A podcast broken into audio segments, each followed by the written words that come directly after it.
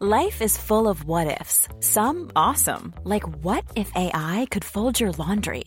And some, well, less awesome, like what if you have unexpected medical costs? United Healthcare can help get you covered with Health Protector Guard fixed indemnity insurance plans. They supplement your primary plan to help you manage out of pocket costs. No deductibles, no enrollment periods, and especially no more what ifs. Visit uh1.com to find the Health Protector Guard plan for you. Hey there, it's Michelle Norris. I'm host of a podcast called Your Mama's Kitchen. When I travel, I'm usually looking for a way to find a taste of home when I'm not at home. And one of the things I love to do when I am at home is entertain. And Airbnb allows me to do that. When I was in California recently, I rented a house that had a great kitchen. And when we were sitting around the table, we were all thinking, we're in someone else's house. Someone could be in all of our homes as well. If you have a home, but you're not always at home, you have an Airbnb. Your home might be worth more than you think. Find out how much at airbnb.com/slash host.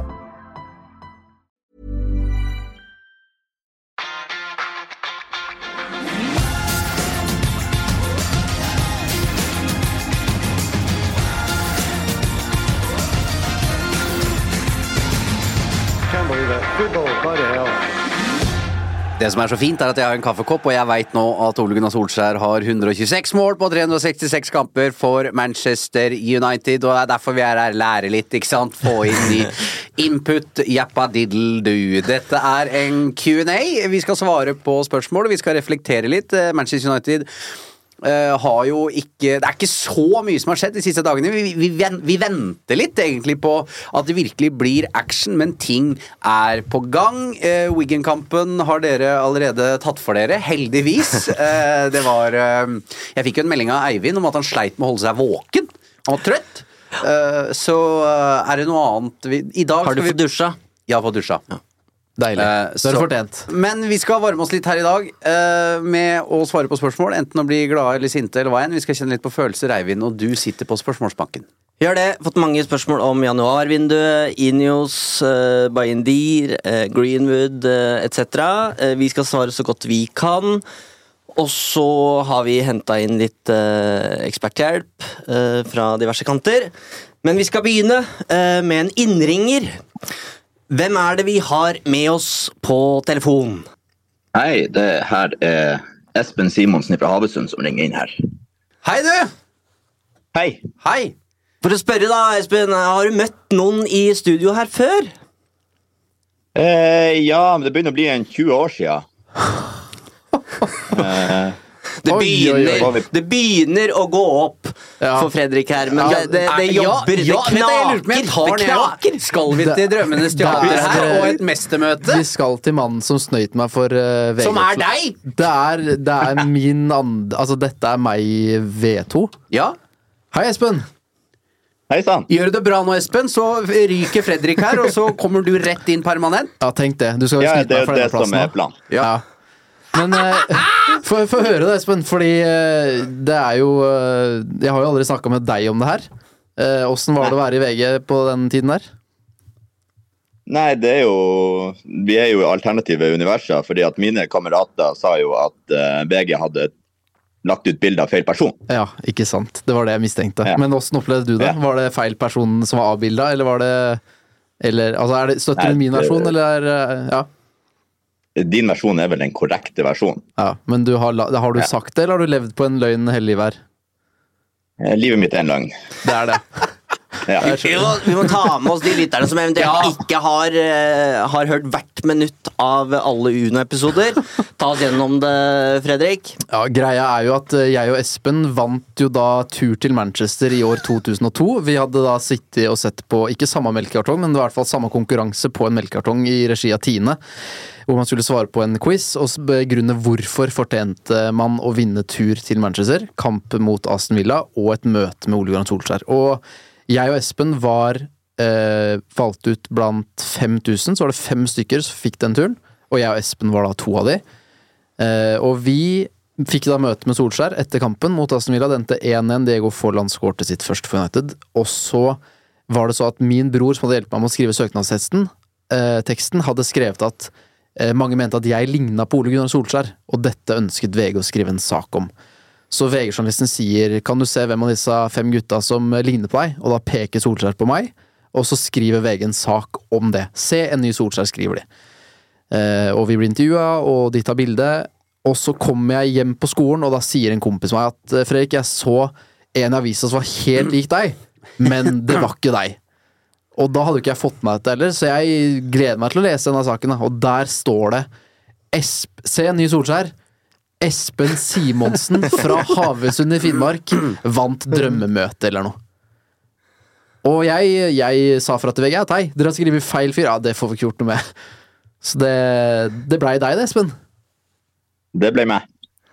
Og Du har jo snakka litt om det, Fredrik, at det var umulig å være Paul Chafford som Hvor gammel var du?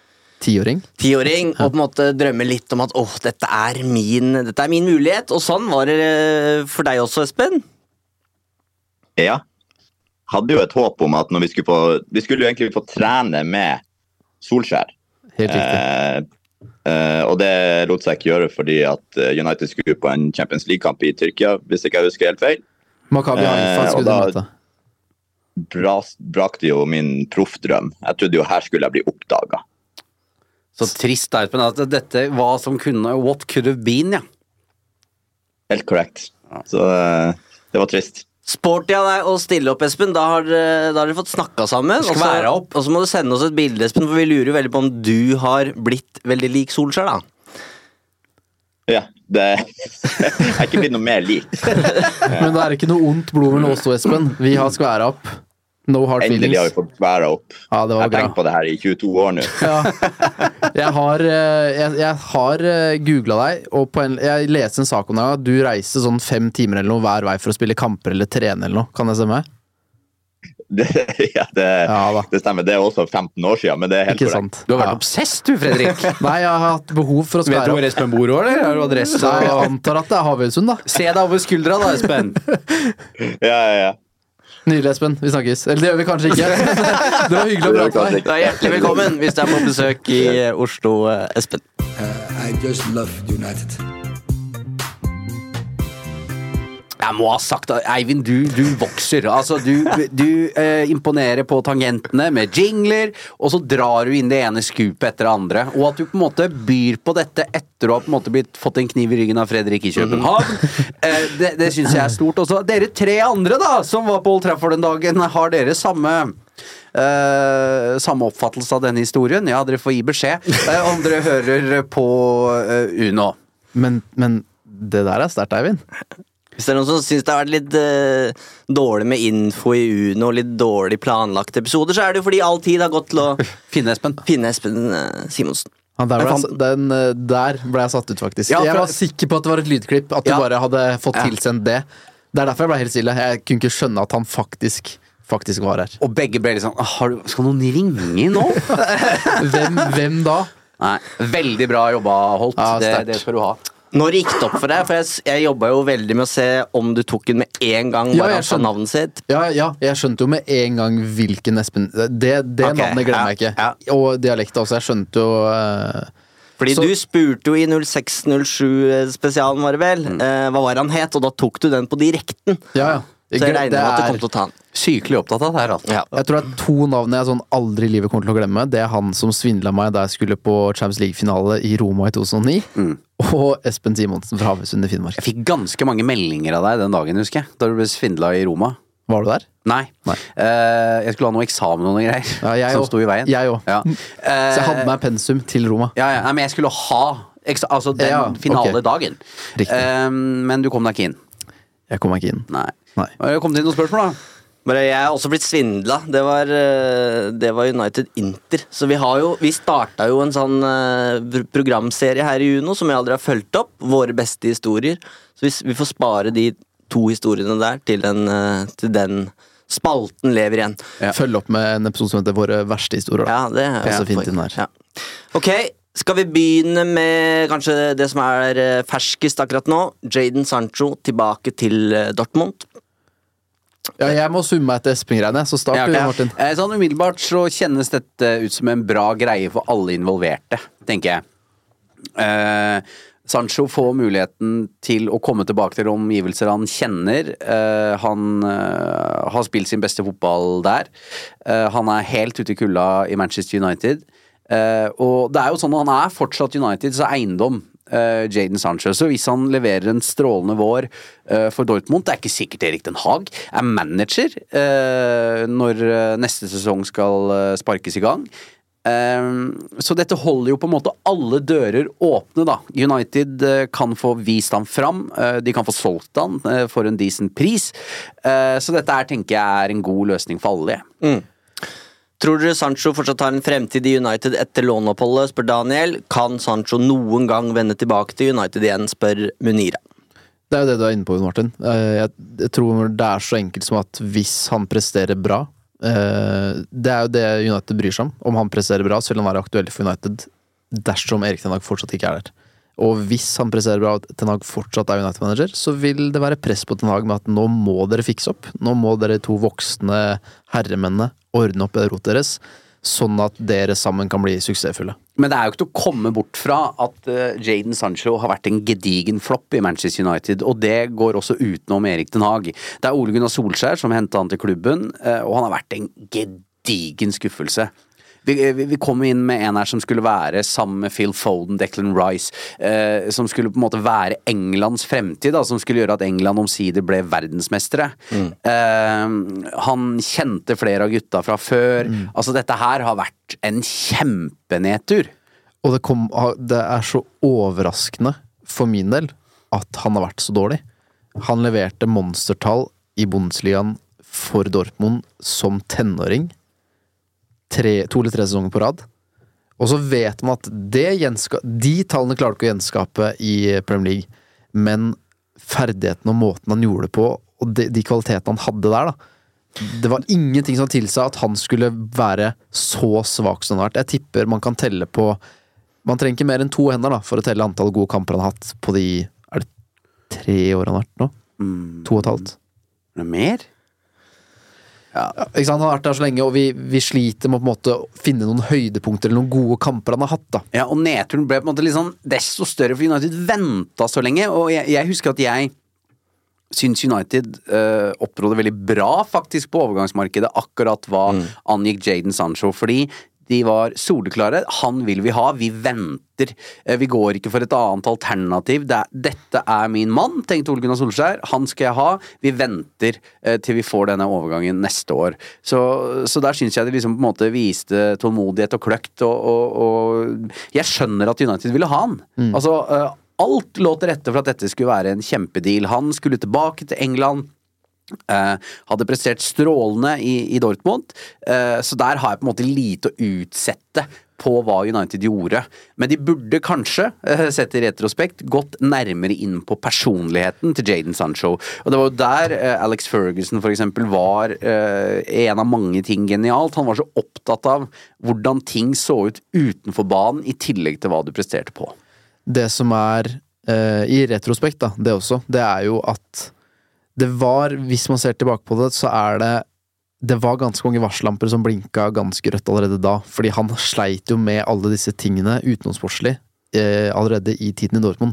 Han var en som forsov seg. Han var en som hadde litt attitude-problemer. Han var en som, da overgangen til United ikke blei noe av, så nekta han å spille kamp. Så Dortmund måtte gå ut med at han var syk. Han klikka. Han oppførte seg som en liten baby, har det kommet fra garderoben her. For han skulle ha den overgangen. Og det er jo Altså, det er ikke for vilja si, det er én ting, men her var det en pakke, da. Med mange forskjellige ting. Det har vært uh, mye i England også. Det har, var på en måte egentlig en sånn fast spørsmål på pressekonferansene til Southgate. Uh, hva med Sancho? Mm. Uh, ikke nødvendigvis det at han fortjente en plass ved hvert eneste uttak, men man skjønte at her, det er en grunn til at Sancho ikke er, er med, og det kan nok fort ha handla om eh, de samme tingene. Og komme på kant med Pep, ikke sant. Så det, det har vært noe hele veien her, da. Og så det som også blir hovedproblemet, det ble et egentlig ordentlig antiklimaks da han kom, for du hadde allerede håpa at det skulle skje året i forveien. Så det hadde allerede drøyd litt for lenge, men hovedproblemet er at han selv sier at han vil spille venstrekant, mens United henta noe som høyrekant. Han skulle løse problemet på høyrekanten, mens han selv ønsker å spille venstre. Så hvem er det som ikke har gjort hjemmeleksene sine her? Har ikke Sancho vært ærlig i samtalene? Har ikke United tatt en samtale med Sancho? Det er her du skal spille, det er denne rollen du skal få. Jeg tror også at det var en vanvittig skuffelse for han å ikke få drakt nummer sju. Det var jo han lovt, eh, tror jeg, året i forveien, og så kom Ronaldo og fikk den i stedet. Da må du dessverre vike, kamerat. Du må jo det, men eh, for en vanvittig skuffelse, og han kan takke seg selv. Enkelt og greit. Du da? Jeg tror aldri han kommer til å spille for Manchester United igjen. Eh, Jeg kan ikke se det for meg. eh, Og jeg er helt med på det at eh, det er litt manageren eller spilleren som måtte, må, måtte gå nå. Det kan godt hende at Sancho kommer tilbake i, i juni til et, et United som har en annen manager. Men, men det Jeg syns på en måte han har fått mange nok sjanser jeg, til å vise hvor god han skal være. Det, det eneste argumentet jeg ser for, for Sancho, er at det er en, en manager som ikke har funnet en rolle til en på laget. Jeg synes det har, eh, som du var inne på, da, med, med venstrekant, høyrekant, og så har han prøvd den som tier også, og det forteller meg at da er det ikke noe Da har ikke Ten Hag en klar visjon på hvordan han skal få Og spiss i preseason. ja, få mest mulig ut, ut av denne spilleren. Da. Ehm, så jeg tror han har brent, brent for mange bruer. Dette er starten på, på, på slutten, rett og slett. Sagt, Jeg tror heller ikke at han vil lykkes i United noen gang, men fotballen er så at om han presterer det neste halvåret i Dortmund nå, og United har ny manager, så vil det være en sånn Da, da, da prøver vi presisen, da. Og så Mm, vil markedsverdien også være Ja, ja. Ja. Uh, Så, så det er jo helt riktig at dette skjer. Uh, Men jeg husker jo vi satt her før seriestart, uh, og vi på en måte gikk gjennom stallen litt, så sa vi at dette her er Jaden Sanchos siste sjanse. Snakket vi om denne sesongen som. Men det er jo betenkelig da at Manchester United har to milliarder med høyre ving. Som ikke virker.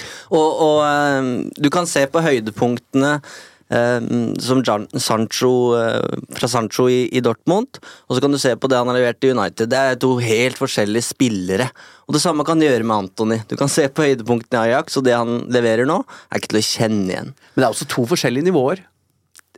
Det spiller jo det, spiller en rolle her, selvfølgelig. Det er den største årsaken, naturligvis. Men, men når du betaler så mye som du gjør for de to spillerne, så skal jo Manchester United som klubb være De kan ikke være 100% sikre på det, men de, de bø, må sikre seg at dette er en spiller som vil klare å ta Premier League-nivå også. Og da er vi jo inne på det du snakka om, Jon Martin, om kartlegging av hvem er denne fyren egentlig? Um, og der må det jo være lov å håpe at uh, Manchester United blir, blir bedre på det med ny sportslig ledelse. Solskjær var veldig tydelig på det da jeg prata med en da jeg jobba i Dagbladet. Uh, kan du si noe om hvilke, hvilke spillere du leiter etter? Da ville han ikke si noe navn, han ville si hva slags folk han var ute etter, og det var fine folk. Altså Han var ute etter å hente bra mennesker. Og da Jeg sier ikke at Jaden Sancho er et dårlig menneske, men at du kan sette spørsmålstegn ved holdninger og en rekke ting ved han som person, det er åpenbart nå i ettertid, og da er det nok en gang kartlegginga. Har det svikta, eller er det bare at den ikke har Altså, på et eller annet nivå så har du svikta. Ja, og jeg tror de veit det. De er klar over at det har vært problemer med Sancho uh, i, i karrieren. Det, det veit de, men de Da må du ha en plan for ok, åssen skal vi skal vi klare å endre den atferden? Og der har de feil. Det mest urovekkende er det med at det er så mange signeringer du gjør, som kanskje forsnems er energien eh, Og det er så mange av de tingene som bare forsvinner i United. At det de var gode på da de ble henta, det ser du ikke. Det kommer ikke fram i United. Hva er det som skjer? Og da er vi tilbake til dette leia Moms. lei av å prate om det, men dette kulturelle. Eh, mangel på kultur. Eh, for det er jo ikke på en måte eh, bare Jaden Sancho som du sier som dette her handler om. Da. Det er så mange som har kommet til Manchester United og bare slett blitt dårlige. Altså, det er jo en gravplass, liksom, for, eh, for fotballspillere.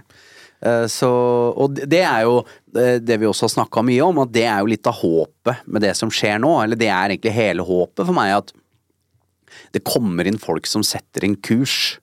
eh, med, med, med tydelige oppgaver, med en klar filosofi. og det er fagfolk, da. For det er ikke fagfolk over Erik Den Haag. Det er ikke det. Kommer snart. Ok, fra en kant som ikke leverer til en annen. Eh, fått et eh, langt og godt spørsmål fra Richard, som kommer fra Hokksund.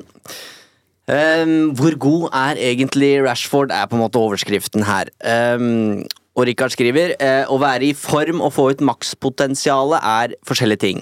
Makspotensialet til Rashford er skyhøyt, da er han skikkelig god, men han er nå inne i sin åttende sesong som mer eller mindre førstevalg i United. Og hvor mange måneder av disse åtte åra har han levert stabilt på et nivå som kan ta oss til toppen igjen? Er det noen tanker om det fra dere? Er han egentlig god nok til å være klink i en førsteelver som skal bli best igjen? Eh, Er han bare ute av form nå, eller er han, eller er han den spilleren som vi faktisk ser nå? Eh, En spiller med et skyhøyt potensial, men som dessverre aldri eh, hadde for, ha- har det i seg å få det ut sesong etter sesong. Hvor mange minutter hadde han spilt for City, eh, Liverpool eller Arsenal i år? Det er et godt spørsmål. Veldig. Uh, og jeg har ikke noe godt svar, men jeg skjønner hvorfor det kommer. Uh, og vi er tilbake litt det med attitude og moral, da. Hva er Hvor sterk er uh, Marcus Rashford i, i hodet? Eh, ting tyder på at han er det, men hvis vi liksom ser på straffespark i Paris, eh, enkelte kamper mot City og Liverpool eh, Som man er inne på her, makspotensialet er jo helt enormt. Men det er jo det som skiller Clinton fra hveten her, da. Det er at han klarer ikke å følge det opp. Og han har vel nå totalt sett flere dårlige perioder enn gode. Det vil eh, Jeg vil bare starte med å si at jeg skal ikke sage Rashford fullstendig. Det ville vært latterlig. Sånn feigt tidspunkt å ta det på. Men jeg har hele tiden vært usikker på hvor god er han egentlig? Fordi han går nærmest på vannet den sesongen han scorer 30, men når han da ikke er i toppform, så skorter det på veldig mye enkelt, syns jeg, da. Jeg syns Jeg er usikker på hvor god fotballforståelse han har. Han er keitete med ball. Det er det veksler mellom det geniale og teknisk briljante til det helt udugelige. Så det er Jeg har alltid vært usikker på hvor god er han egentlig, og så beviser han det når han har toppformen inne. Da er makspotensialet utnytta, og da ser vi at ok, sorry, jeg var dum som stilte spørsmålet. Men så går det en to uker eller tre måneder, så er han i den der gjørma hvor han er utfattelig svak. Så jeg har alltid lurt på hvor god han egentlig er, og så svarer han på den ene dagen, og så bekrefter han mistankene og antakelsene den neste dagen. Og det med personlighet, jeg tror også at han er en fyr som liker den største scene, liker å ta straffespark i Paris og er sterk mentalt der, men nå er den åpenbart i en periode der det fremstår som at ting på, utenfor banen ikke nødvendigvis er så bra, og at den tar med seg deg på banen i takt med at den da ikke presterer. Og en samtale vi hadde med en person i Manchester før sesongstart, pekte på nettopp dette. Han hadde null tro på at Marcus Rashford skulle klare å gjenskape den gode sesongen fra i fjor, fordi han kjenner Marcus Rashford, vet om livsstilen, vet om problemene og ting som han holder på med, som ikke er forenlig med det å være profesjonell fotballspiller. Og så er han åpenbart også en kjempefin fyr med alt han har gjort for samfunnet i England, men det er en person som blir dratt i litt forskjellige retninger, og som også ikke da har gjort at vi kan konkludere med at han er verdensklasse. Det er han åpenbart ikke. På sin beste dag så er han det, men de dagene går, det går lang tid mellom hver gang, da. Og sammenligna vel litt med Wayne Rooney, mener jeg å huske. At Rooney blir på en måte bare Han blir bare sugd mot sola, han. Og på en måte Han skinner bare. Sterkere og sterkere, også på fotballbanen. Og så gikk ikke den karrieren så ble ikke det så bra som vi kanskje trodde. Eh, Men, men for Rashford sin del så er det noe med all oppmerksomheten spiser han litt mer opp i større grad enn at han, at han blir større av det. Eh, og det- var vel når vi så Nottingham-matchen sammen, tror jeg, at vi uh, snakka litt om det, om, om, om det rett og slett var en sånn Jesse Lingard-periode som han hadde etter VM. At der, det var peak Rashford. Alle mm, stjerner sto i Sirius, eh, mens eh, nå er det litt dette er den egentlige Rashford vi ser, og det er trist i så fall, syns jeg, for da, da er han ikke god nok. Og det som også er veldig urovekkende med Marcus Rashford, som er gjentagende, er at når en manager sliter, så slutter Marcus Rashford å levere. Eh, det har du sett under uh, Mourinho, du har sett under Solskjær, og du har sett under Ten Hag. Det er akkurat som at uh, når manageren har ryggen mot veggen, som Ten Hag i aller høyeste grad for øyeblikket har, så står ikke Marcus Rashford frem. Uh, der, er, eh, han burde vært den som nå tok det ansvaret. Eh, han er fra Manchester, han spiller for klubben sin. Eh, han spiller for noe større enn manageren. Da. Det er noe annet. Uh, det, det medfører et større ansvar, enten du vil eller ikke. Det å være født der du er født. Sånn, er, sånn funker fotballen. Og han tar ikke det ansvaret. Og det må du kunne forvente, for det er ikke den lille pjokken som kommer inn mot Midtjylland lenger, eller scorer mot Arsenal. Det er borte. Han er en av de mest etablerte spillerne i den garderoben. Og, og der Erik Haag Hag velger Scott McTominay fordi han vet at han får lojalitet og innsats, innsats i bånd. I den kategorien skal Marcus Rashford også være. Som en selvfølge. Som en selvfølge, også pga. kvalitetene sine. Mens her har Rashford også blitt satt ut av laget, og ikke vært en av de som har blitt satsa på i en periode der Ten Hag kjemper for jobben sin. Og det jeg også har fått høre, er at det er på ingen måte at forholdet mellom Ten Hag og Rashford er ødelagt. På ingen måte. Men det var veldig bra. Det var eh, I media var Rashford den personen Ten Hag snakka opp og fram, og hele tiden bygd opp, da. Som en stjerne i dette laget. Mens det i senere tid, og nyere episoder, så er det for sentkomminger. Det har vært ting som Ten Hag har måttet ta på pressekonferanse og bekrefte at den bursdagen, den hendelsen der, det har også gjort noe med forholdet deres. Så det er ikke brutt ned, men det er dårligere enn det har vært. Bare så at det er ting som også har skjedd mellom de to, da. Så hvis du har en Rashford som ikke trives på banen, ikke trives i privaten, har et litt dårlig forhold til sjefen sin, får det ikke til å stemme der ute, så er det plutselig en total, totalpakke med han da, som gjør at Så det er krevende. En fellesnevner med Rooney og, og eh, Rashford, og det er at de har et eh, dårlig, dårlig folk bak seg, rett og slett. Det må være lov å si. Ja. Um, ok, uh, men hvis uh, dette går som det går nå fram til sommeren, hva tenker dere da? Jeg, jeg, jeg, jeg tenker at for øyeblikket befinner United seg i et slags vakuum. Uh, jeg ser eh, Det er litt sånn trist å si, men akkurat den siste halvdelen av sesongen her nå, er det mer spennende hva som skjer utenfor banen enn på banen. Eh, det er litt sånn, nå skal United eh, ut i FA-cupens fjerde runde. Eh, det, det, det, det, nå- Jeg tar ikke noe for gitt lenger. Hvis United ikke går videre i FA-cupen, da kan alle Du og Dag innkasserer den. Ja. Ehm, jeg er mer spent på hva Injos gjør. Ja, vi kommer dit. Ehm, vil dere ha Men, men la oss snakke Ja. ferdig om den der, da, fordi eh, Spørsmålet var om skal Rashford selges i sommeren? Rash- og du mente Rashford, ja, sorry, jeg, unnskyld, jeg, jeg var ikke unnskyld. tydelig nok. Men uh, nei, det skal han ikke. Nei, fordi der snakker vi om nye spillere som blir henta. De skal få en sesong på seg før de blir avskrevet. Vi snakker om at Jaden Sancho må få denne sesongen her før vi avskriver han. Og nå var Rashford stjernespiller, viktigste spiller, toppskårer forrige sesong. Helt elendig oppfølgingssesong fra hans sin del. I likhet med alle andre. I likhet med alle andre. Han er eh, han, han lider av det samme og er en bidragsyter til det samme som alle andre. Så begynne å snakke om det Jeg mener at den sesongen som Når vi kommer til sommeren, så må vi bare legge det som har skjedd bak oss. Og så har han da press på seg til å levere neste sesong.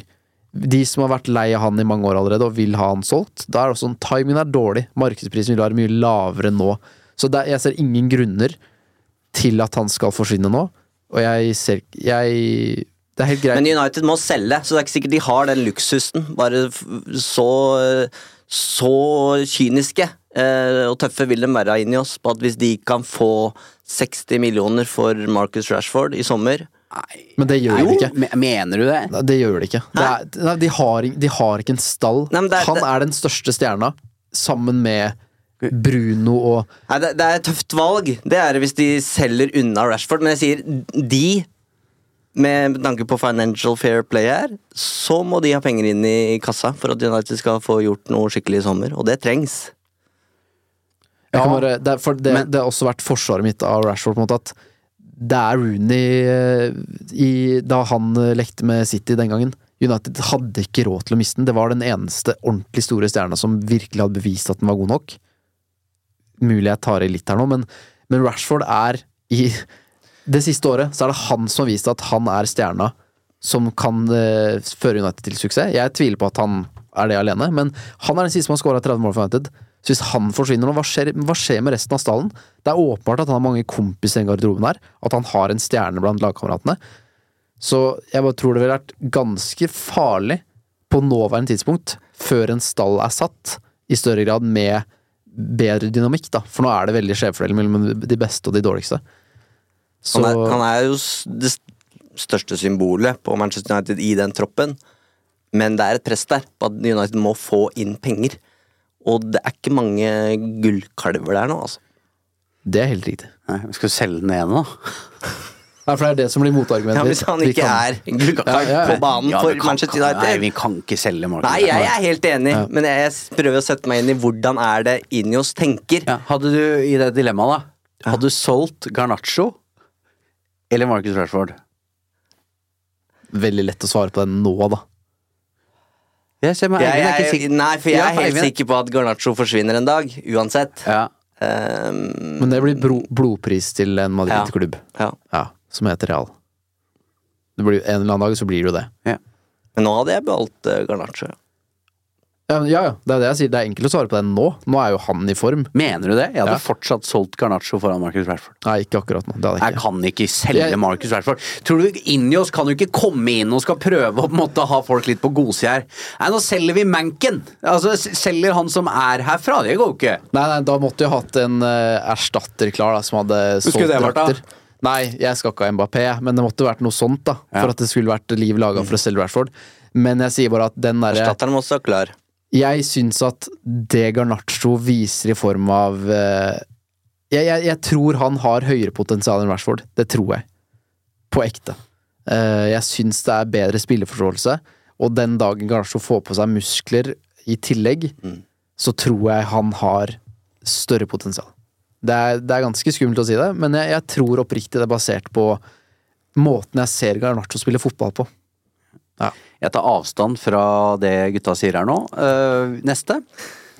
Er du jingle, eller? Jeg har en ny jingle, faktisk. Nei. Få høre. You're listening to Uno, your number one podcast on Manchester United.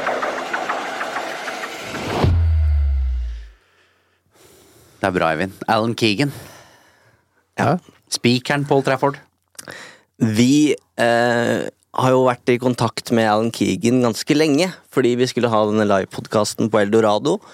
Og der hadde vi en sånn introduksjonsvideo, en litt sånn blanding av et eh, episk eh, En episk trailer og litt humor, og da er det jo eh, Fikk vi Alan Keegan da, til slutt til å lese inn eh, introduksjonen av oss.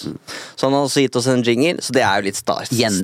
Gjenbruk, rett og slett. The Bra, Voice ja, ja. of Old Trafford. Men eh, apropos live, da. Har du, noe, har du noe nytt å komme med, Holt? Det har vi. Um, Det har jo for så vidt ligget ute på united.no en stund nå, men ehm, vi skal eh, ta dette konseptet til scenen igjen. Uh, Denne gangen på Carls, ny sportspub på Carl Berner. Så torsdag 1. februar, eh, dørene åpner klokka seks. Da kjører vi en livepodkast på, på Cards. Etterpå er eh, United Wolverhampton på storskjerm. Ja. Bare å komme, da. Carl Berner i Oslo, for de som skulle lure. Det er, et ver en verden utenfor Oslo, vet du, Hokksund. Men da, da understreker jeg det, for det er mange som har spurt. Er det kamp også? Ja. Live podkast først. Kamp på storskjerm etterpå. Da har vi understreka det poenget Ja, som er inne allerede det er også lov å gå og se, og så gå og så, så høre på oss, og så gå hjem og se på kamp, hvis du heller vil det.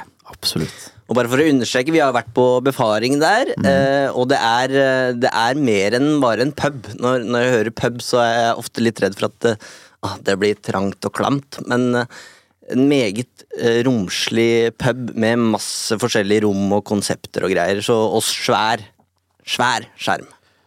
Det tror jeg Det kallsopplegget tror jeg blir veldig bra. Ja. Og jeg er ikke programforplikta til å si det. Um, Jo, det det er fins folk der ute er som har vært mer på pub enn deg.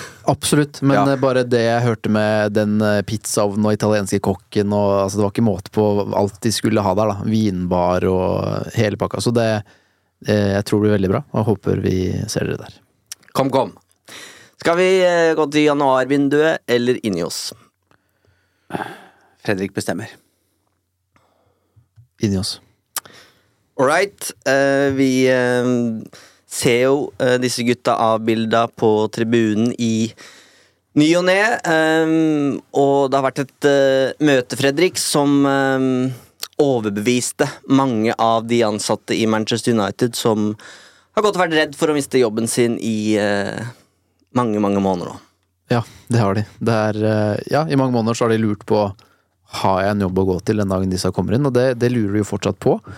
Men eh, til tross for usikkerheten, så Jeg prata med en som var til stede da sir Jim og sir Dave For han er vel en sir, han òg, Ja, Ja, det? ja, det er i bøtter og spann her nå. Og eh, tilbakemeldingene fra det møtet Det har jo kommet en del lekkasjer i media allerede, vi har hatt en sak på United.no, men eh, vedkommende sier at det var rett og slett utrolig imponerende. Han bruker ordet superb, og han understreker at eh, sir Jim har stått på en scene og sagt at jeg er absolutt ikke inne i dette pga. økonomi. Jeg bryr meg null om eh, profitt. Det det handler om, er å gjenreise denne klubben etter det røret de har holdt på med de siste ti åra. Og øh, den jeg snakka med, sier at det var null bullshit. Det var veldig bra. Og basert på det møtet vi ansatte hadde med øh, de som sto på den scenen der, så er jeg helt sikker på at de med tiden kan gjøre en ordentlig forskjell. Det lover jo bra. Kan du si, vet, vi noe om hva de sa? Jeg øh, Jeg har hørt litt, Ja, Mm. da kan du ta over. eh, og dette var det Brailsford som snakka om. Um, og nå bare Nå refererer jeg bare etter egen hukommelse, ikke direkte sitat, så ikke siter meg på det, men vi veit hva det innebærer eh, Altså hva verdensklasse innebærer. Eh, United skal være best in class på alt. Eh, så heng på, ellers så forsvinner dere. Og det høres kanskje ikke ut som en sånn veldig tillitsvekkende erklæring på et sånt første møte, men i det så ligger det jo en garanti som Glazers aldri har vært i nærheten av å kunne gi. At målet her, ambisjonen, er å være best i verden. Eh, og nå må dere på en måte levere eh, på, på det her. Og de setter jo nå på en måte press på hele organisasjonen Manchester United på det som Brailsford er mest opptatt av av alt i verden, og det er performance. Det skal leveres resultater. Eh, han sier på en måte Vi skal gjøre det som funker, koste hva det koste vil. Og det som, det som er en brutal og nådeløs beskjed, da, eh, tror jeg er akkurat det de ansatte har tørsta litt etter å få høre. For mange av dem har jobba her veldig lenge, og vært i klubben i en periode som var full av suksess. Så de har jo sett hvordan dette gradvis bare har forfalt siden Glazers overtok. Det har blitt illustrert for meg hvordan klubben mista mange av sine beste. City bare plukka unna sine beste ansatte. United ansatte en fra Manchester Airport, som vi alle har vår klare formening om, som deretter tok med seg enda flere folk fra verdens verste flyplass. Så det har blitt ansatt dårlige folk. Sitat vedkommende. Det var så, det var så Ja. artig tanke. Så, så fra å være den beste klubben i England og en av verdens beste fotballklubber, eh, så har United da sakte, men sikkert mista sine beste, og bare gradvis blitt dårligere og dårligere.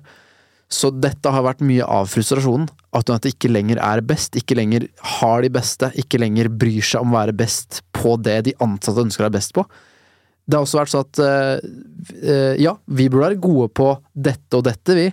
Men vi kommer ikke til å ansette folk til å gjøre det. Så hvis dere har lyst, gjør det på dugnad. Det blir ikke noe ekstra lønn for det. Kjempefint om du tar tak i det, men, men vi prioriterer det ikke.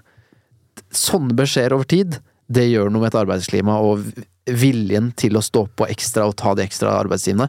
Så jeg tror akkurat den beskjeden her, uansett hvor hard og brutal målløsen er, så tror jeg den, hvis den treffer Altså, de som tar det imot riktig, det er de som skal fortsette å jobbe der. Og de det skremmer, de har ikke noe å gjøre i en klubb som Manchester United. Og så tror jeg det er viktig å tenke på uh, med sir Jim Ratcliffe at uh, prestisjen i han for dette, da. Vi snakker om en av Storbritannias rikeste menn, mektigste menn. Eh, han er jo opptatt av, uh, og har vært hele livet, at det han gjør, blir en suksess. Uh, og for han å feile her er jo en kjemperipe i lakken for hans livsverk. Så jeg tror ikke vi skal betvile på noe som helst måte viktigheten for han å få dette til. Og det er et helt annet utgangspunkt enn hva disse Florida-baserte eh, iglene, unnskyld, eh, foretar seg da. Eh, men, men det som er bra, er at, de, eh, at Glazer-familien eh, omsider har forstått. Selv om dette er en enormt god løsning for de, eh, så, så, så, så lar de i hvert fall nå omsider noen andre ta seg av det som til syvende og sist er det viktigste i en fotballklubb, nemlig det sportslige. Hiring for your small business? If you're not looking for professionals on LinkedIn, you're looking in the wrong place. That's like looking for your car keys in a fish tank. LinkedIn helps you hire professionals you can't find anywhere else, even those who aren't actively searching for a new job but might be open to the perfect role. In a given month, over 70% of LinkedIn users don't even visit other leading job sites. So start looking in the right place. With LinkedIn, you can hire professionals like a professional. Post your free job on linkedin.com/people slash people today.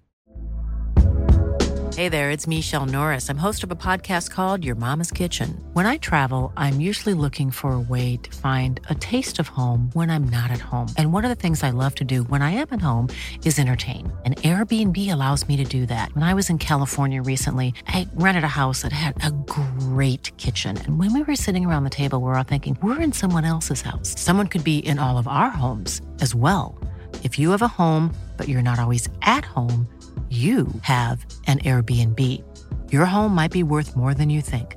Find out how much at airbnb.com/slash host.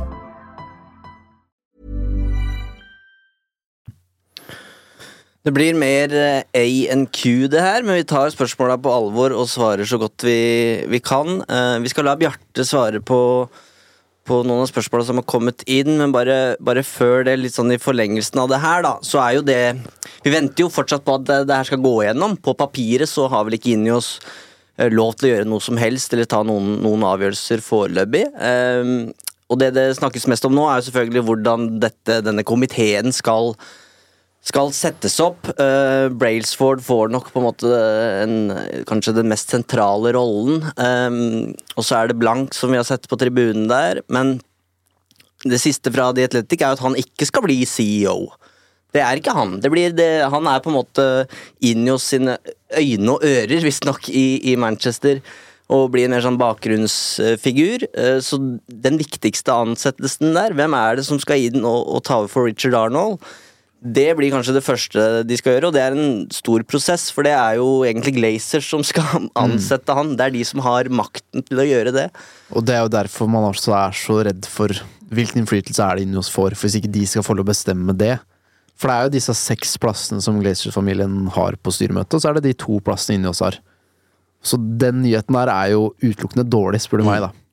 Det, det skremte meg litt. Ja, men jo, er, hvis man på en måte tar en fot i bakken og tenker seg om, da er det egentlig så overraskende? Nei, det er ikke overraskende, men håpet var at dette skulle de få lov til å bestemme. Fordi vi, nå har vi sett at ansettelsen som Glazers-familien har gjort på den fronten der, med Woodward og Arnold eh, Sier ikke at de er dyktige folk, men det var åpenbart feil folk i feil roller. Og at de da, Glazers-familien igjen, skal håndplukke sin, og kanskje da ikke da høre på innspillene fra inni oss om at denne sportskarakteren her, som har ut, prestert det her, der, i den klubben, det skal de overse fordi at han er kanskje mer eh, økonomisk kompetanse igjen. Jeg frykter det der. Der har jeg null tillit. Så håper jeg at innflytelsen og at sir Jim er så tydelig, da, som jeg håper av har inntrykk av at den er. Men det syns jeg var en dårlig nyhet. Selv om ikke det var så overraskende. Det sier jo selv at de, de har jo flertall, så er det jo de som bestemmer, da. Ok, Uh, vi har da fått et spørsmål fra Stian. Er det sannsynlig at vi i løpet av x antall år ser inn i oss som majoritetseier av eh, klubben? Det spørsmålet har vi sendt til Bjarte i London. Hvis du hadde stilt meg eh, dette spørsmålet umiddelbart etter at oppkjøpsplanene ble kjent, så hadde jeg sagt ja.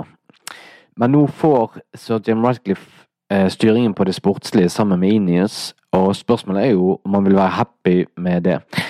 Det interessante er jo egentlig det at verken Ratcliffe eller Glazer-familien har for vane å jobbe i partnerskap, men nå er de tvunget til å jobbe sammen.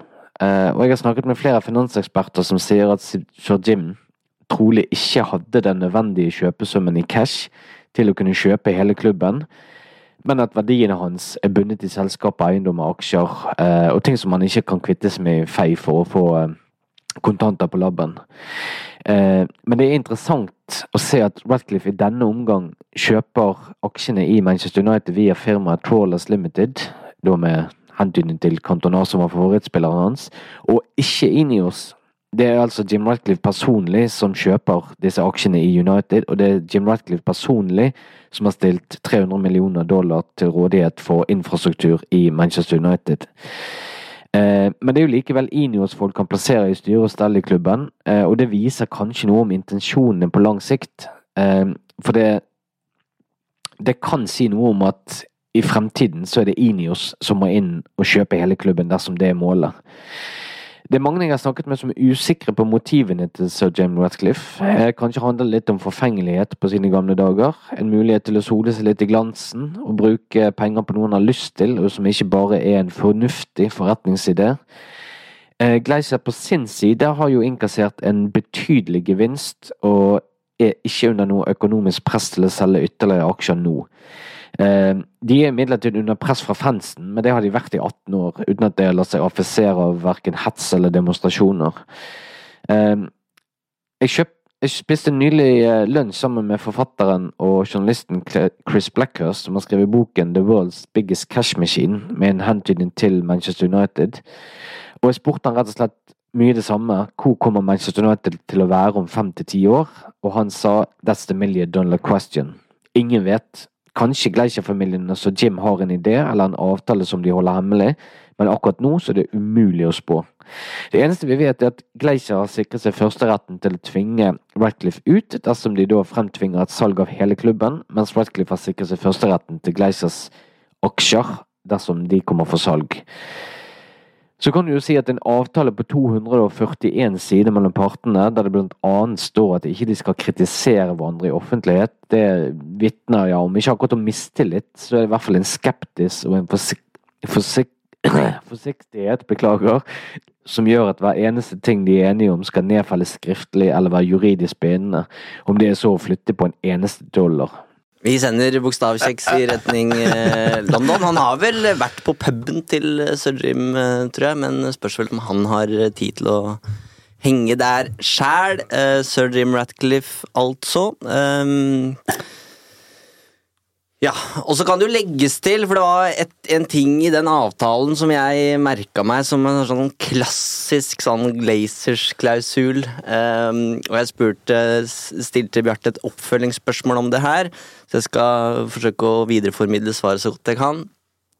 Det står altså i den avtalen, og nå bare siterer jeg fritt igjen her, at dersom eh, det kommer en aktør og bare sprenger banken for å kjøpe Manchester United, så kan Glazers selge hele klubben. Um, så det betyr i, i praksis at hvis Qatar ombestemmer seg og sier nei, vi klasker alt vi har av eh, dollar, alt som, som, eh, som Glazers krever på bordet, så, så kan Glazers selge klubben til, eh, til vedkommende. Men uh, Injos vil da ha rett til å matche budet. Eh, men det vil de jo sannsynligvis ikke ha råd til. i så fall. Vil, vil eh, Ineos da i teorien også få sin andel av de pengene? Hvis eh, Qatar skulle komme og kjøpe, for da vil man jo se om sir Jim eh, er ærlig da, med at han ikke er for profitt eller økonomi. Men da ville jo den uh, fått et uh, svar, da, hvis Ja. jeg skjønte hva jeg mente nå. Ja. Men ja. Nei, dette er eh, For den, den er det mange som har eh, lagt merke til, akkurat den formuleringen der. Mm. At uh, Glacier kan fortsatt selge til hvem du vil. Så la oss nå få inn oss inn, før vi begynner å bekymre oss Nå har eh, på en måte Sir Jim vunnet valget her. Nå Ja. skal han sette regjering og dele ut uh, disse ministerpostene. Så får vi uh, få Bjarte på tråden igjen, tenker jeg, når vi, uh, vi veit litt mer om åssen dette skal eh, se ut. Ok, vi er eh, inne i eh, januarvinduet, eh, og det har jo skjedd litt forskjellige greier. Van de Beek er på lån i Frankfurt. Regilon har dratt tilbake til Tottenham. Og det har vært forlengelse av avtalene til Lindeløv og, og Wambisaka, og Sancho er jo nå i, i Dortmund. Um, det ene S-et etter det andre. det er ikke de store navnene. Det siste er vel Hannibal, som uh, er på vei til, uh, til Sevilla. Og spørsmålet vi får eh, i innboksen, det er jo selvfølgelig hva tror vi skjer i januar, og da med tanke på inn. Ingenting, tror jeg. Nei. Da det er et eh, nødlån i en eller annen posisjon, hvis det trengs. Jeg, eh, det er foreløpig helt stille, og det er det jo økonomiske grunner til, også fordi at Altså, det er åpenbare grunner til det. Det er ikke noe som er tilgjengelig, tror jeg, og det er skrikende behov for United i mange posisjoner, men det er ikke noe som kan fikses eh, permanent i januar uansett. Nei, for de er jo bundet. Altså, de har Det er tilbake til eh, elendig klubbdrift, da. Altså, de har altså brukt penger som fulle sjømenn eh, på fotballspillere som ikke har vært gode nok for å spille for United. Eh, og de har låst seg over så mange år. Altså, de betaler ehm, Dette er jo som en eh, vanlig familie som betaler på et kredittkort. Altså, dette eh, de, de, har ikke penger til å kjøpe fotballspillere. Jeg hadde lyst til å sjekke, jeg kom aldri så langt, men det kan være du, at United betaler på spillere som ikke er i klubben lenger. Altså De er Ja. solgt videre og, og spiller i en annen klubb, men United betaler fortsatt for, eh, for den mora de da hadde. Og så er det sånn, C United blir eh, en liten periode linka til Timo Werner, for eksempel. Eh, Som for meg hadde make, make sense. sense, Ja, ja. altså, eh, men så ser du, Tottenham går inn. United yeah. kan ikke, liksom. Nei, og så er det alltid et spørsmål liksom, hvor, hvor langt hadde de kommet i, i de samtalene i Manchester United. Det kan godt hende at det bare har vært et navn på blokka, og de har blitt enige om at vi gjør ingenting her før Inios er helt, helt inne. Jeg, jeg veit ikke, men uh, man sitter jo med en følelse av at det er enda en som glipper, ja. Men la oss se om, han, om det er Chelsea-Werner de får, eller om det er Leipzig-Werner, for det er stor forskjell. Det er det. forskjell. Det er det. Men foreløpig så har de benytta januar til å rydde opp. Eh, og det veit jeg at det rekker de ikke om sommeren. De rekker ikke å rydde opp i alt de skal rydde opp på avganger ut. Eh, så det er fint at de måtte benytte januar til det, selv om det også er skrikende behov for å få folk inn. Og dette er greit for meg. Ja. Sånn At det eh, ikke skjer noe? Ja. Eh, det er på en måte eh, Kjør på med det som er. Prøv å bli kvitt så mye som mulig. Ja, for det tenkte jeg Det det litt på, at uh, det at Regulon drar tilbake til Tottenham De hadde jo en klausul som gjorde at de bare kunne hente den, hente den hjem igjen. Uh, men jeg tror nok Manchester United stilte seg nok ikke i veien for det, og de åpner jo også nå opp en låneslott. De kan jo bare ha to spillere på lån. Eh, og mitt eneste ønske da, hvis det kommer en inn, er at liksom at det er en brikke som faktisk passer i det puslespillet som skal legges bare nå de, Mm. De neste seks hode, ja. månedene. Fordi liksom Veghorst, Sabitzer altså, De er liksom kommet inn, og de har på en måte ikke En ting er at de ikke har vært gode nok, men de har liksom ikke De passer jo ikke inn, heller. Jeg har glemt Sabitzer, helt til du sa det nå. sånn, har ikke tenkt på den på en stund. Ehm, så ja. Um, ok, et annet navn som vi har fått masse spørsmål om, uh, det er Mason Greenwood. Henter United tilbake Greenwood i januar, spør Sebastian. Hva tenker dere om Greenwood? Mulig uh, for han å spille neste sesong, spør Martin. Har jo gjort sine saker bra i, i Spania. Ble også utvist her, og de fikk vel eh, annullert det kortet etter hvert. Men er jo heit på både banen og på ryktebørsen. Ja, det renner, det renner inn med Greenwood-spørsmål til hver episode, og vi har på en måte samla alle spørsmålene til tre forskjellige spørsmål, som vi har rett og slett sendt til Petter Wæland. Så han har besvart hvordan har Mason Greenwood gjort i Spania, eh, hvordan var mottagelsen, og hvordan er støy rundt Mason Greenwood nå, og kan det være liv laga for en England-karriere for Greenwood likevel? Så det er de tre spørsmålene Petter Wæland besvarer her. Han har vært veldig god. Han har snart vært så god over så lang tid at sjøl de som av prinsipielle grunner ikke anerkjenner at han, at han er en god fotballspiller, nå sliter med å, eh, med å fortsatt være så prinsippfast eh, uten å ta noe som helst eh, parti rundt eh, elefanten i rommet med de beskyldningene og den saken som, som alle er opptatt av, så, eh, så viser han i nesten hver eneste kamp han spiller at han har et helt annet nivå enn alle andre lagkamerater når han spiller for Retafe. Eh, nå har det jo blitt litt spøkt med at man har eh, si, funnet opp et nytt uttrykk for måten de spiller fotball på i, Retafe nå, med SOS fotball champagne pappa. Men det hadde nok ikke kommet, det uttrykket der, hadde det ikke vært for at Mason Greenwood faktisk har bidratt til at Retafe, i alle fall innenfor deres eh, standarder, faktisk har spilt litt eh, champagnefotball denne sesongen sammen med Spesielt Borja Majoral så har de to eh, gjort at Retafe har veldig mange og ikke minst annerledes strengere spillere på denne sesongen sammenlignet med forrige, som gjør at etter en litt sånn traurig start på sesongen, så har, de, så har de kommet seg og er jo eh, på øvre halvdel i La Liga nå, noe som jo er en veldig god prestasjon for en klubb av deres eh, størrelse. Eh, da han signerte for Retafe, så kom jo det først og fremst veldig ut av det blå. Jeg mener å erindre at det var noe snakk om noe Lazio-greier først, og så kom Retafe på banen ganske seint i overgangsvinduet der. og så og så var han plutselig bare der. Og da hadde jo Retafe hadde jo da en jeg vet ikke om det var en policy, jeg vet ikke om det var planlagt eller om de rett og slett ikke hadde gjort god nok research. men akkurat i det tidsrommet der Mason Greenwood ble klar for klubben, så eh, lagde jo de en ny eh, Twitter, eller X-konto, på engelsk. De oppretta Instagram på engelsk. Eh, og de behandla jo den fotballovergangen som om Diego Maradona hadde steget ned fra himmelens rike og signert for dem. Det var ikke måte på hvor vanvittig den overgangen var, sett ut ifra et sportslig perspektiv. og så Uh, enten så var de rett og slett ikke klar over det. Uh, jeg håper jo at de er klar over alt uh, Greenwood har vært involvert i, på godt og vondt. Eller så rett og slett bare de, de ga en blank F i hele situasjonen og bare behandla dette her som at det utelukkende var fotballspilleren Mason Greenwood som kom.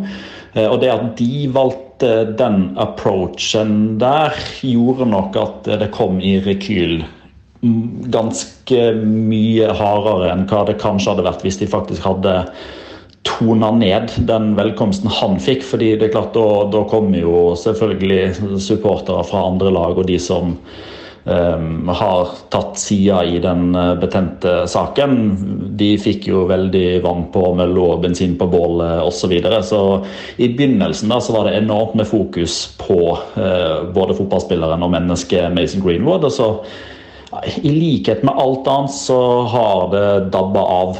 Ehm, det har det. Du, du vil alltids finne kommentarer på eh, bilder og tweets som blir lagt ut på Retafe sine sosiale mediekontoer som, eh, som framhever Mason Greenwood, så, så, kommer det fortsatt eh, meldinger som, som, antyder at eh, dette er en mann som ikke nødvendigvis har bare rent mel i posen, og at at man kanskje burde ja, tone ned den forgudelsen av Greenwood. Men, men, det standpunktet, den posisjonen tok Retafe veldig tidlig, og den har de rett og slett bare, den har de bare stått ved. Og så får han jo naturligvis eh, tyn når han spiller fotball på alle andre stadioner enn på, eh, på Coliseum. Det får han. Ikke sånn at det er snakk om å avbryte kamp eller at det påvirker han på noe som helst måte, men du hører til stadig et rop som kommer fra motstandernes supporter når Mason Greenwood spiller på bortebane. Ehm, det spørs jo litt hva måte man ser det på. da, altså Ser man utelukkende på fotballspilleren Mason Greenwood, så viser han nå at um, han um, har kommet raskt tilbake igjen på et veldig anstendig nivå, med tanke på at han hadde vært ute av gamet ganske lenge når han begynte å spille for Retafe. Uh, og den uh, mismatchen som de aller fleste, meg selv inkludert, trodde at Mason Greenwood og Retafe kom til å være, den har jo vist seg å bare være feil. Um, altså Mason Greenwood spiller fotball, Retafe sparker fotball. Men så har de på et eller annet vis klart å, å finne hverandre, fordi det har jo det har fungert veldig bra. Det, det, det kommer man ikke forutenom. Uh, men det er nok litt lettere for Mason Greenwood å prestere borte fra England. Uh, og så er det litt sånn at du kan ikke si A uten B i, i dette tilfellet her. Um, spesielt i England. Hvis han skal tilbake til England, som jo ligger litt i spørsmålet om han noen gang kan returnere til Manchester United. For hvis han skal returnere til Manchester United, så skal han òg returnere til England, der der retorikken er hard, der eh, historikken er brokete, der ligger fortida og dens eh, mørke sider og, og, problemer for Mason Greenwood. Både altså for hans del. Ikke at han er et offer på noe som helst eh, vis, men han har jo, si, han har jo sine grunner til ikke å returnere. Spesielt når han ser at, at ting faktisk fungerer på et vis når han har reist derifra. men Eh, hvis spørsmålet er stilt sånn om Mason Greenwood noen gang kan bli god nok til å igjen spille for Manchester United, basert på sin første halve sesong i Retafe, som er i nye omgivelser uten eh, veldig lite kamptrening før han begynte å spille fotball for de. I så tilfelle, hvis det er premisset, så er svaret klinkende klart ja. Men så enkelt er det jo ikke. Det er um det er jo imponerende det han driver på med der borte. Det er det jo. Absolutt. Absolutt. Og så har jo det United har gjort ved å sende på utlånet ditt er jo bare utsette det som er en eh, Det som var håndtert på en utrolig klønete måte. Mm. Eh, de har bare utsatt det, og potensielt gjort dette enda vanskeligere for seg selv. For nå er han så god at eh, det vil være vanskelig for United nok en gang å la han et men det de også har gjort, er å øke markedsverdien hans. Så hvordan de skal løse, veit ikke. Eh, Fabrizio Romano skrev for noen dager siden at eh, sir Jim vil ta en ny vurdering når sommeren kommer, hva de skal gjøre med Mason Greenwood.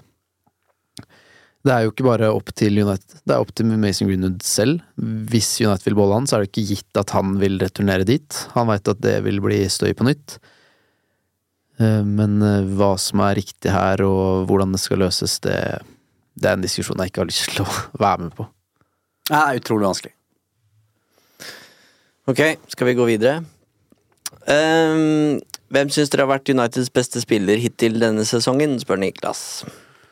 Det spørsmålet her det så jeg før jeg la hodet på puta i år, og det holdt meg Våken? Det holdt meg våken på ekte. Jeg har grubla og grubla og grubla. Nei, det er det jeg ikke har. Det er det jeg ikke har. Så hjelp meg her. Det, det, sier jo litt om hvor elendig denne sesongen har vært. Men jeg har ramla innom navn som John Evans, som Harry Maguire. Cobby Maino har jeg ramla innom. Altså, det, det er eh, Poenget mitt er at det er tynt, da. Jeg trenger hjelp. Her må dere friske opp hukommelsen min. Scott McTomney har vært viktig og bidratt med viktige skåringer og dermed også poeng, men jeg syns ikke at han har vært god. Men når du har bidratt med noe viktig, så kan du også havne på en sånn liste. Jeg, jeg, jeg svarer Harry Maguire, jeg. Ja, jeg, jeg, jeg altså, nevner han sjøl, jeg. For jeg eh, Også med bakteppe. Bare, bare sånn eh, ja, Nei, jeg Det er jo egentlig ikke ingen. Garnaccio kan jo skli fram her og ta prisen eh, og for årets spiller hvis han fortsetter. Ja. fortsetter ja. Ja, men han men, starta også dårlig. Da, Var skal... inne på laget da sesongen begynte, blei benka, har kommet inn nå etter eh, å på en måte hatt en stigende kurve, da. Og ser til å trives godt ute på høyresiden. Jeg synes jeg bare ser for meg den der prisutdelingen på slutten av sesongen, så er det Scott McTominay eller Harry Maguire som ønsker, hadde et ønske om å bli kjeppjaga ut av Old Trafford i sommer. Hvis det er det er. Det, er. det sier jo alt. Tenk om vi hadde sett det bildet i august. Ja. Hadde ikke skjønt noen ting. Ja. Det var et år de måtte rett og slett bare Avlyse hele dritten. Ja. Og det lukter eh, Per nå så hadde jeg gått for den. Men, uh, men, hvis dere holder samtalen litt i gang her, så kan jeg se om jeg finner lesebørsen på dette. Hvem leseren våre mener har vært best hittil denne sesongen. Jeg tror jeg har svaret. Ja. ja. Cobby Ja, det er det. Ja, Men han har spilt for få matcher. Mm. Men, uh, men han nå, for så vidt, kan jo bli det. Faktisk. Ja. Jeg kan gi dere topp uh, fem. Ja. Det er Kobe Maino med åtte kamper. 6,76 på børsen. Den går fra tre til ti, bare for ordens skyld.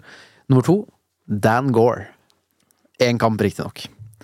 Nummer tre, Harry Maguire. 16 kamper. Snitt på 6,27. Så Maino 6,76. Dan Gore 6,42. Harry Maguire 6,27. Nummer fire på lista er Johnny Evans. 6,07 etter tolv kamper. Og 15 på lista er Luke Shaw. 6,02. Jeg hadde også Luke Shaw i mitt hode, men jeg tenkte at han hadde spilt altfor få kamper. Og det er jo problemet at de som har vært gode, de har vært Ikke over tid, da. Ja, og det er, heller ikke, det er heller ikke de som skulle stått fram, men det er jo over enten en sånn at Luke Shaw starta sesongen bra, ble skada, vært god når han kom tilbake, mm. så er ikke sammenhengen heller. Nei, eh, John, vet du hva, jeg går for Johnny Evans, jeg. Ja. Ja. Det, la oss høre elveren her, da. Vil dere ha den? De elleve beste? nei, nei, nei. Jaden Sancho og. Kamvala inne. Bare så dreit det. Ja. Ehm, en som i hvert fall ikke er på den lista, det er Bayindir. men det er mange spørsmål om han uh, likevel, Fredrik. Uh, ja, det er Hvor det. god er han? Nei, nå skal jo han uh, snart i aksjon, og da vil vi jo få svar. Ja. Men jeg snakka med Joshua King, som har vært lagkamerat med Bayindir i Fenerbahçe. Så det kommer en sak på United.no.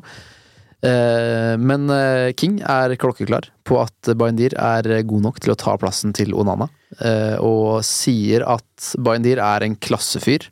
Veldig vokal og dirigerende, og en veldig bra mann å ha i garderoben.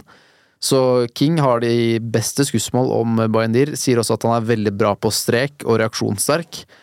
Og så når jeg spør King om Nå er jo Onana veldig viktig for United i det oppbyggende spillet. Hvordan er Bayendir der? Og da var han sånn fullstendig avslappa og sa det kommer han til å klare fint, og han har også veldig god utspark. Så so far so good, eh, men jeg har prata med en til som ikke vil ha navnet sitt på trykk, for dette var ikke like bra. Og det var bare at eh, feltarbeidet er et eh, klart minus med Bayendir her.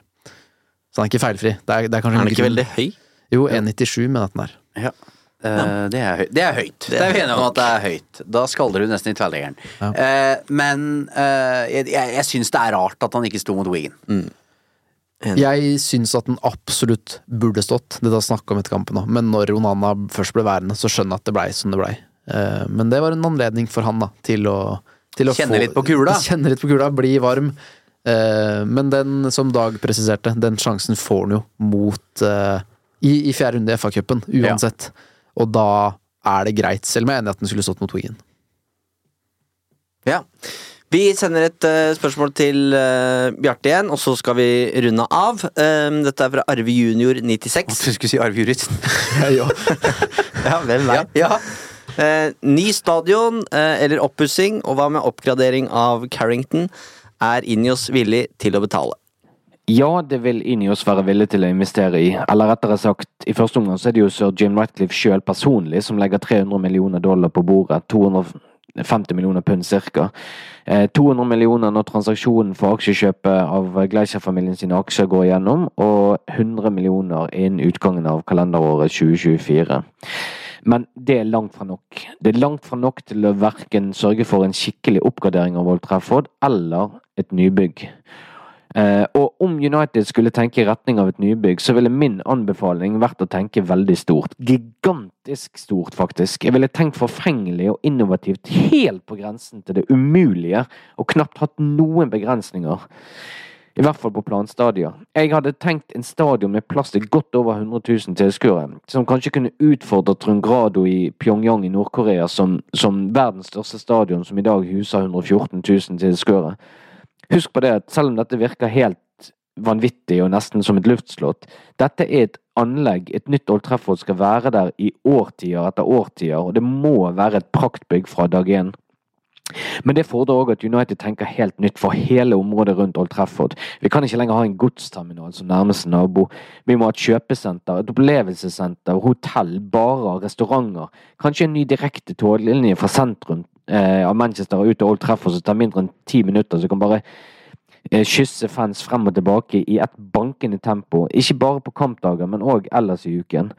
Eh, Old Trafford ville òg blitt konsertarena nummer én i Nord-England og kunne støvsugd alle de store artistene og vært en direkte konkurrent til Wembley i London. Så får vi kanskje ikke innfridd alle disse ideene, men istedenfor å tenke fotball en gang hver ja, tiende dag, sånn som det er tilfellet i dag, så må man tenke inntekter hele veien, hver eneste bidige dag. Eh, men det er selvfølgelig mange skjær i sjøen. Hvem skal ta regningen for et sånt prosjekt? Er det sir Jim Ratcliffe som bare eier litt over 25% av klubben? Eh, Er det Gleischer-familien som skal være med å spytte inn? Vi vet hva de har vært villige til å spytte inn av penger på Old Trafford tidligere. Eh, og United som klubb skylder allerede over en milliard pund. Eh, og det gjør at et slikt prosjekt som dette, som er Ja, det ville helt sikkert kostet nærmere tre milliarder. Det kommer pund. Eh, det, det, det, det er ikke enkelt å finne en finansiell løsning på det.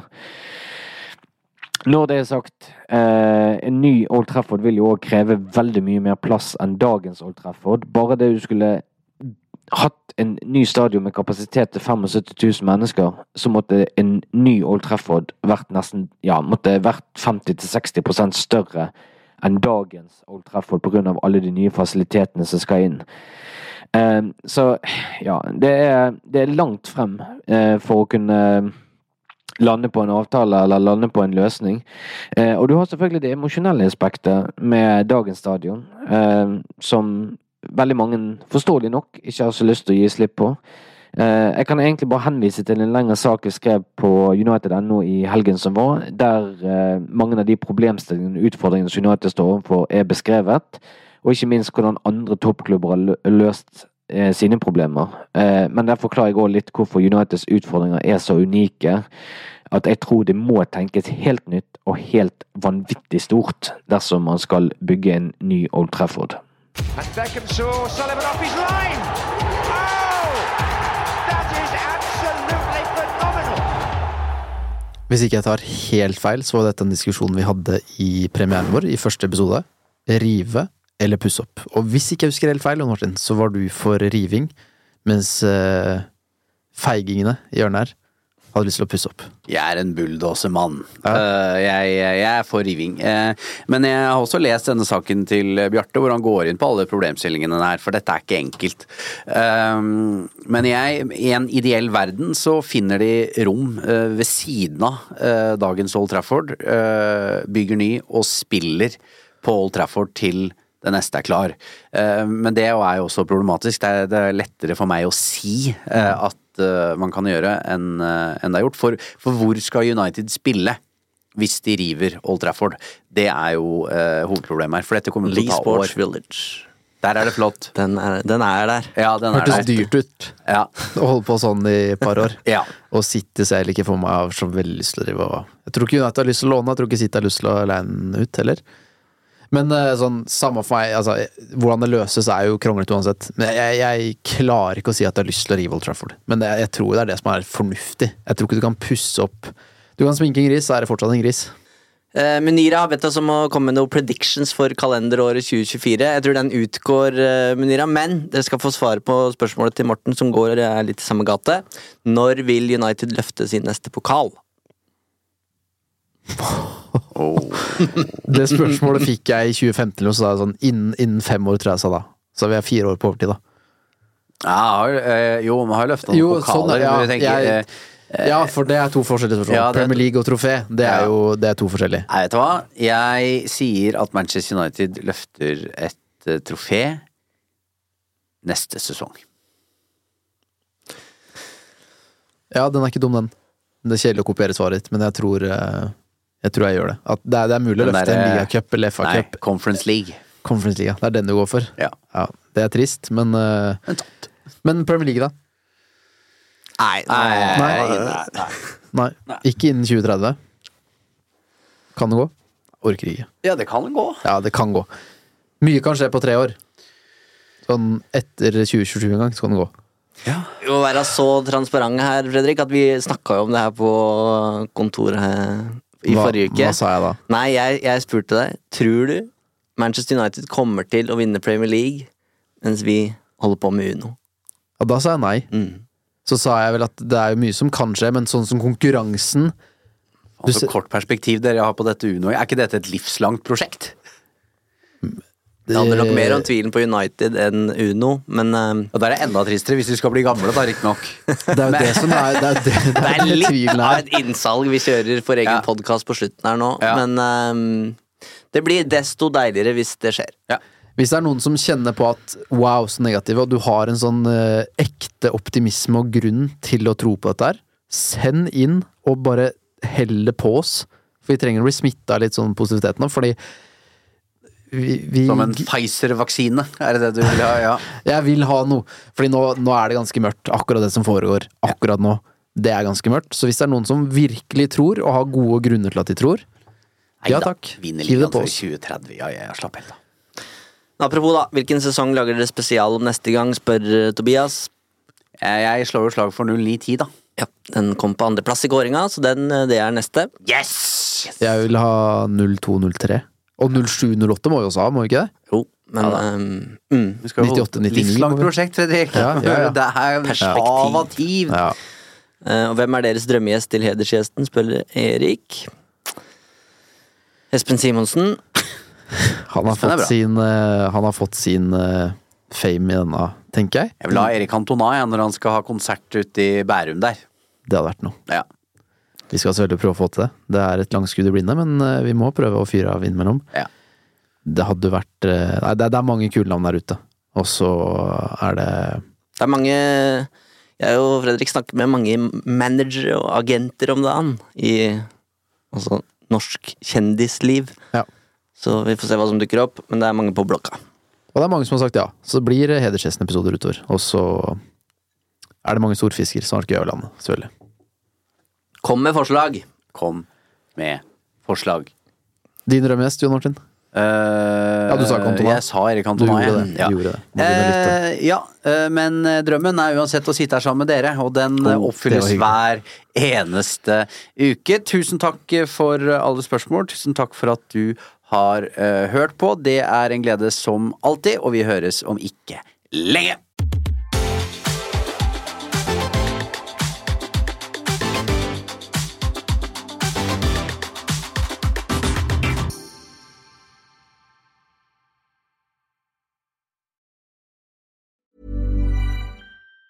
Even on a budget, quality is non-negotiable. That's why Quince is the place to score high-end essentials at 50 to 80% less than similar brands. Get your hands on buttery soft cashmere sweaters from just 60 bucks, Italian leather jackets, and so much more. And the best part about Quince, they exclusively partner with factories committed to safe, ethical, and responsible manufacturing. Elevate your style without the elevated price tag with Quince. Go to quince.com slash upgrade for free shipping and 365-day returns. Hi, I'm Daniel, founder of Pretty Litter. Did you know cats tend to hide symptoms of sickness and pain? I learned this the hard way after losing my cat, Gingy. So I created Pretty Litter, a health monitoring litter that helps detect early signs of illness by changing colors, saving you money and potentially your cat's life. Pretty Litter is veterinarian developed, and it's the easiest way to keep tabs on your fur baby's health right at home. Go to prettylitter.com and use code ACAST for 20% off your first order and a free cat toy. Terms and conditions apply. See site for details.